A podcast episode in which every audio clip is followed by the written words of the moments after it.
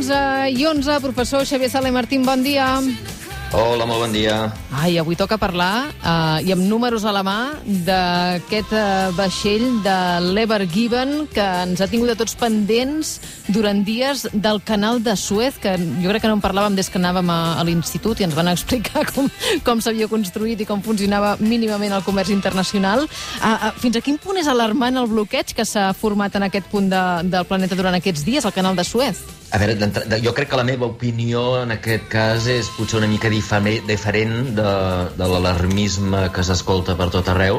Ja sé que tots ens agrada eh, parlar i sobretot escoltar eh, sobre catàstrofes i les catàstrofes venen molts diaris i donen moltes audiències, però jo crec que hem de ser realistes i i parlar i, i, i, i, i veure que això no serà cap gran catàstrofe. A veure, eh, el comerç mundial, òbviament, depèn del transport.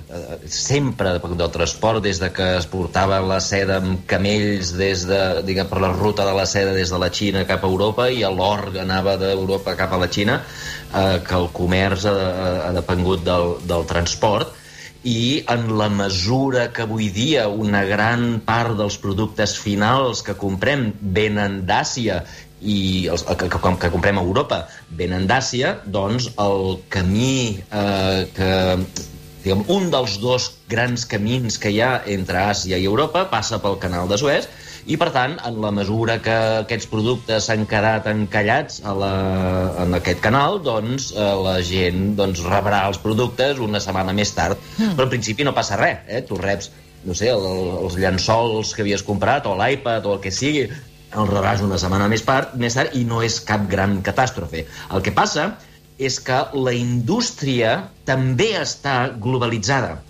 És a dir, per entendre'ns, un cotxe eh, necessita, per, per muntar un cotxe, es necessiten unes 30.000 peces diferents.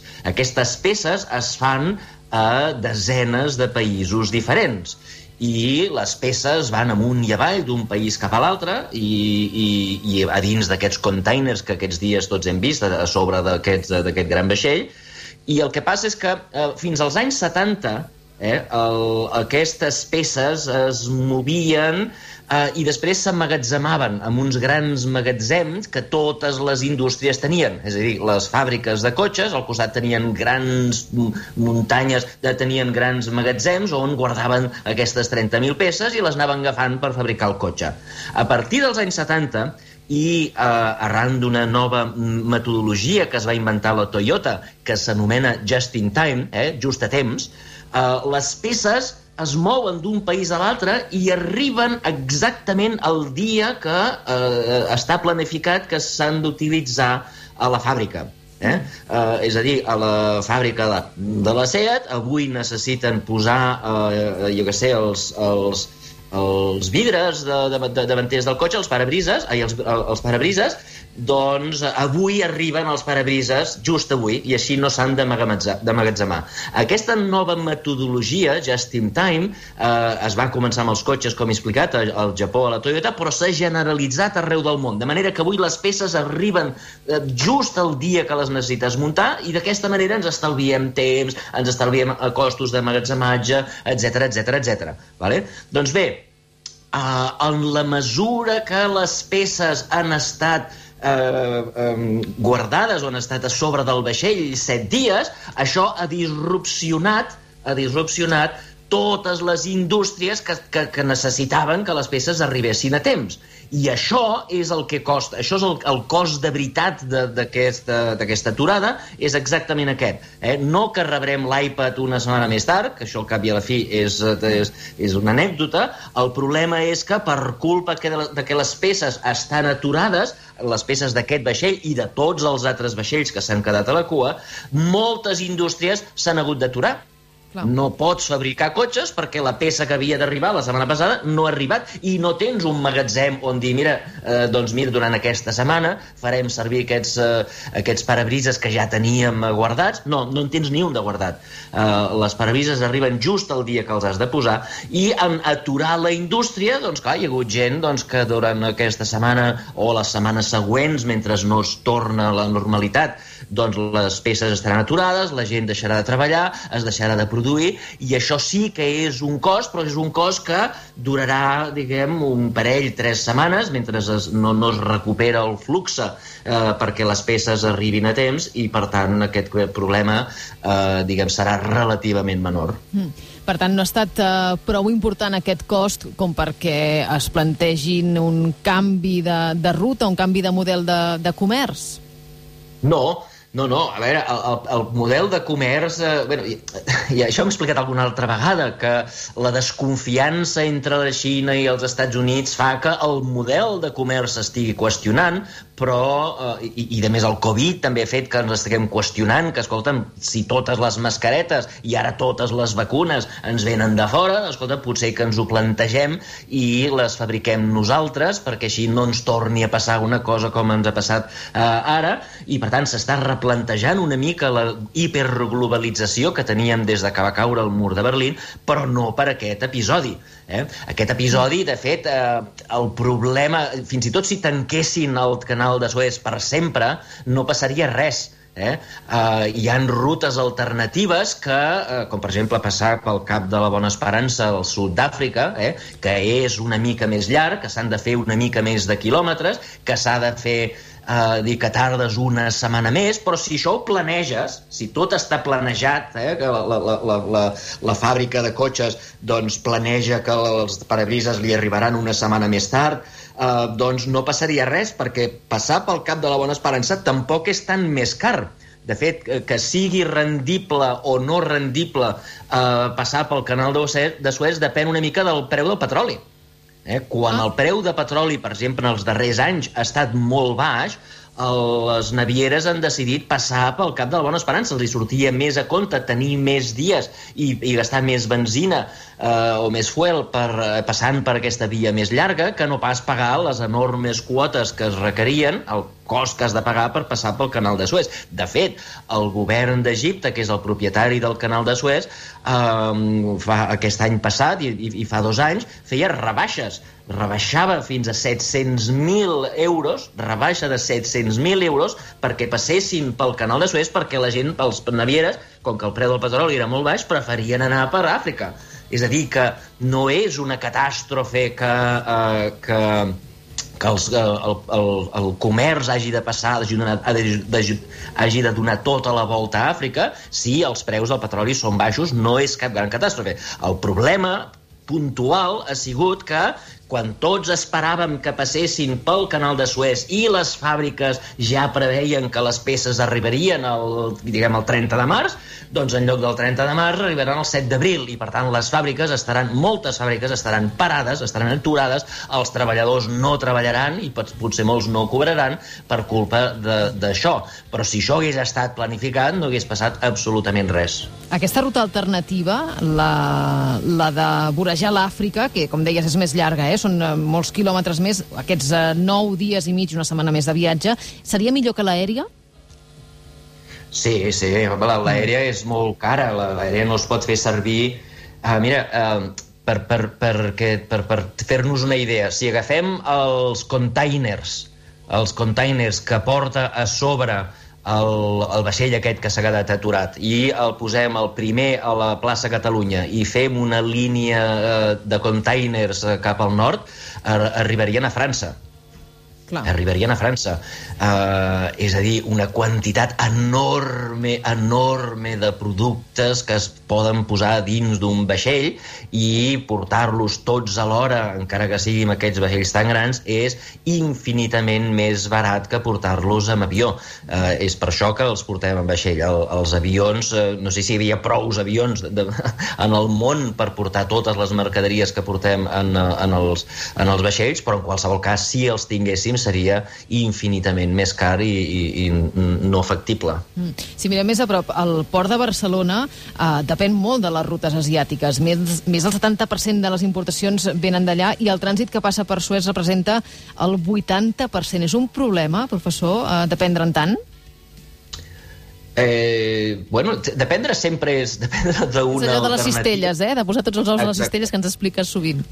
Exacte. Dependre de qualsevol cosa sempre és dolent perquè poden passar... Eh, ara, a, a, poden passar coses. Aquesta cosa que ha passat ara és relativament no important, eh? eh és a dir, eh, bé, durant una setmana al port de Barcelona doncs no ha rebut les mercaderies, ara les rebrà totes de cop, tindran problemes de gestionar aquest tsunami que ara vindrà eh, i que no estava planejat, és a dir, tot això serà un problema, però serà un problema que a poc a poc, amb les setmanes, doncs desapareixerà i que és un problema de gestió, de logística que, que, que, que, es, que se solucionarà. Eh? Ara, si hi hagués una guerra eh, allà a l'Orient Mitjà, una altra guerra com la que ja va haver-hi fa temps que va aturar el canal de Suez durant anys, òbviament eh, tots els ports que de, depenen del canal de Suez es, es patirien.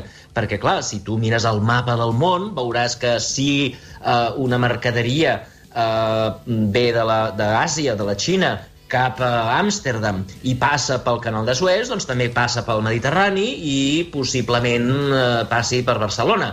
Eh, si per contra passa per Àfrica, dones tota la volta al sud d'Àfrica, doncs fixa't que se'n va cap a Amsterdam sense passar per Barcelona.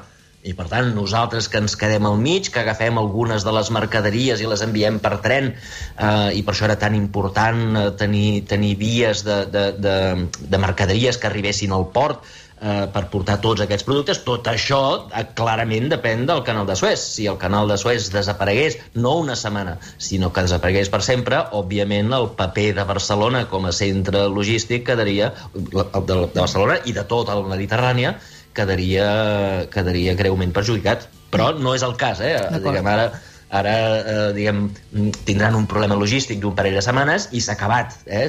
i la cosa tornarà a la normalitat. Aquest, aquest episodi del, de l'Evergreen doncs no, no passarà, no, no tindrà grans conseqüències a llarg termini, ni tan sols per la ciutat de Barcelona. Mm. De fet, una de, i ho comentaves al principi, eh, una de les mercaderies que es podria haver, eh, haver vist afectada per aquest eh, bloqueig temporal que ja està resolt són eh, les peces per construir cotxes, per construir automòbils, i aquesta indústria de l'automobilística a l'estat espanyol està ara mateix enmig d'una batalla i és la de decidir on aniran a parar les fàbriques de bateries bateries elèctriques. Hi ha una mena de batalla territorial per aconseguir uh, aquesta fàbrica.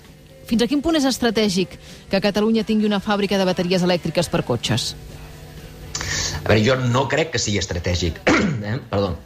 No crec que sigui estratègic. A veure, la, la indústria de les bateries elèctriques eh, és el futur en el futur hi haurà molts, molts, molts aparells, no només uh, cotxes, uh, sinó ja els tenim, altres aparells uh, electrònics, els, els iPads, els, els, els uh, rellotges que portem, els uh, telèfons, tot això, depèn de les bateries, ja no, ja no podem estar tot el dia enganxats a, la, a les parets de casa com les neveres, uh, perquè volem molts productes electrònics que siguin mòbils, i per tant aquí cal una revolució de bateries que ja l'estem tenint eh? si us hi fixeu el telèfon, el telèfon cada dia té una bateria que dura més que permet tenir pantalles amb milions de colors que no es gasta en qüestió d'hores sinó que ens dura tot el dia per sort uh, per sort, per sort, això, això és un... I, i, i, i, i, clarament cada vegada tindrem cotxes que duraran més, que ens permetran fer grans viatges i, tot, i tindrem carregadors d'aquestes bateries, eh, d'aquestes bateries que portaran els cotxes, eh, i per tant eh, estem al mig d'una revolució de les bateries, però eh, jo no crec que estiguem al final d'aquesta revolució. I per tant, Uh, diguem, eh, cal que segueixi el progrés tecnològic, cal que segueixin millorant, hi han grans empreses, grans pensadors arreu del món que estan mm, gastant milions i milions, milers de milions d'euros de, en desenvolupar noves tecnologies que ens permetin millorar aquestes bateries uh, i estem molt lluny del final. Tenir ara una una fàbrica que s'especialitzi en produir bateries amb la tecnologia actual doncs potser serà una bona idea en el sentit de que crearà llocs de treball, que mai està de més tenir més, més, empre més empreses i més indústries invertint a Catalunya, però la pregunta que m'has fet era si era estratègic. Uh, mm -hmm. Estratègic, estratègic, no. Uh, no, perquè encara no s'ha dit l'última paraula i eh, sobre, sobre quina serà la tecnologia dominant en aquest, sector, en aquest sector i només en aquest sector i eh, potser seria bo doncs, eh, sí, que sí que seria bo doncs, eh, entrar no en el món de la fabricació en la fabricació de les bateries, sinó en el procés d'investigació, de creació d'aquesta nova tecnologia. Uh, però em sembla que el que ens estem barallant ara mateix no és, ara, no és sobre això, no és sobre la ciència, sobre la innovació uh, que porta les bateries, sinó de qui és el que fabrica, eh? qui és el que fabrica una tecnologia que s'ha inventat uns altres i que serà per uns productes finals que no farem ben bé, que no farem ben bé nosaltres. Um, um, I en aquest sentit jo crec que el, el, el que estem veient és preocupant. Eh?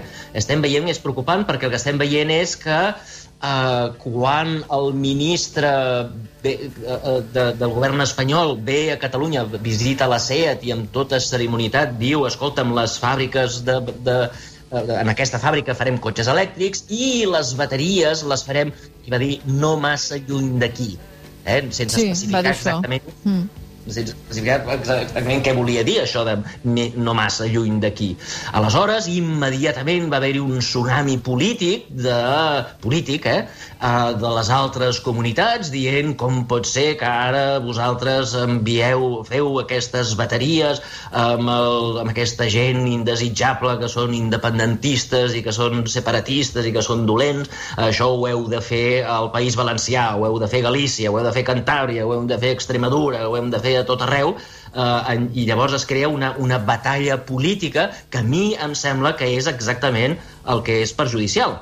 Uh, és molt bo que hi hagi competència empresarial per abaratir costos, per fer les coses millor, per fer les coses més, eficient, més eficients.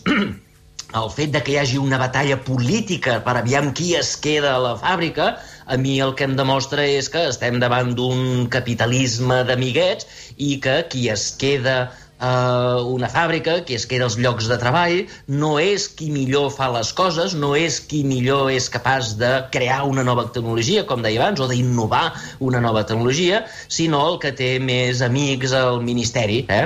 I és per això que molt sovint, si us hi fixeu, els ministres d'Indústria, exministres d'Indústria, doncs estan a consells d'administració d'empreses d'aquests sectors, no perquè siguin grans experts en, en aquestes tecnologies, sinó perquè tenen els contactes que els permetran rebre les ajudes dels governs i, eh, i, i fer que les fàbriques doncs, vagin en el lloc que més interessa en, en, el, en, el, en els polítics. I per tant això a mi em sona... Eh, és dolent. Eh? Tot això que estem veient és dolent, eh, no crec que sigui bo ni pels treballadors, ni per les empreses, ni pels territoris, que les decisions de on van a parar les fàbriques siguin polítiques i no de, de, de pura economia o pura estratègia empresarial.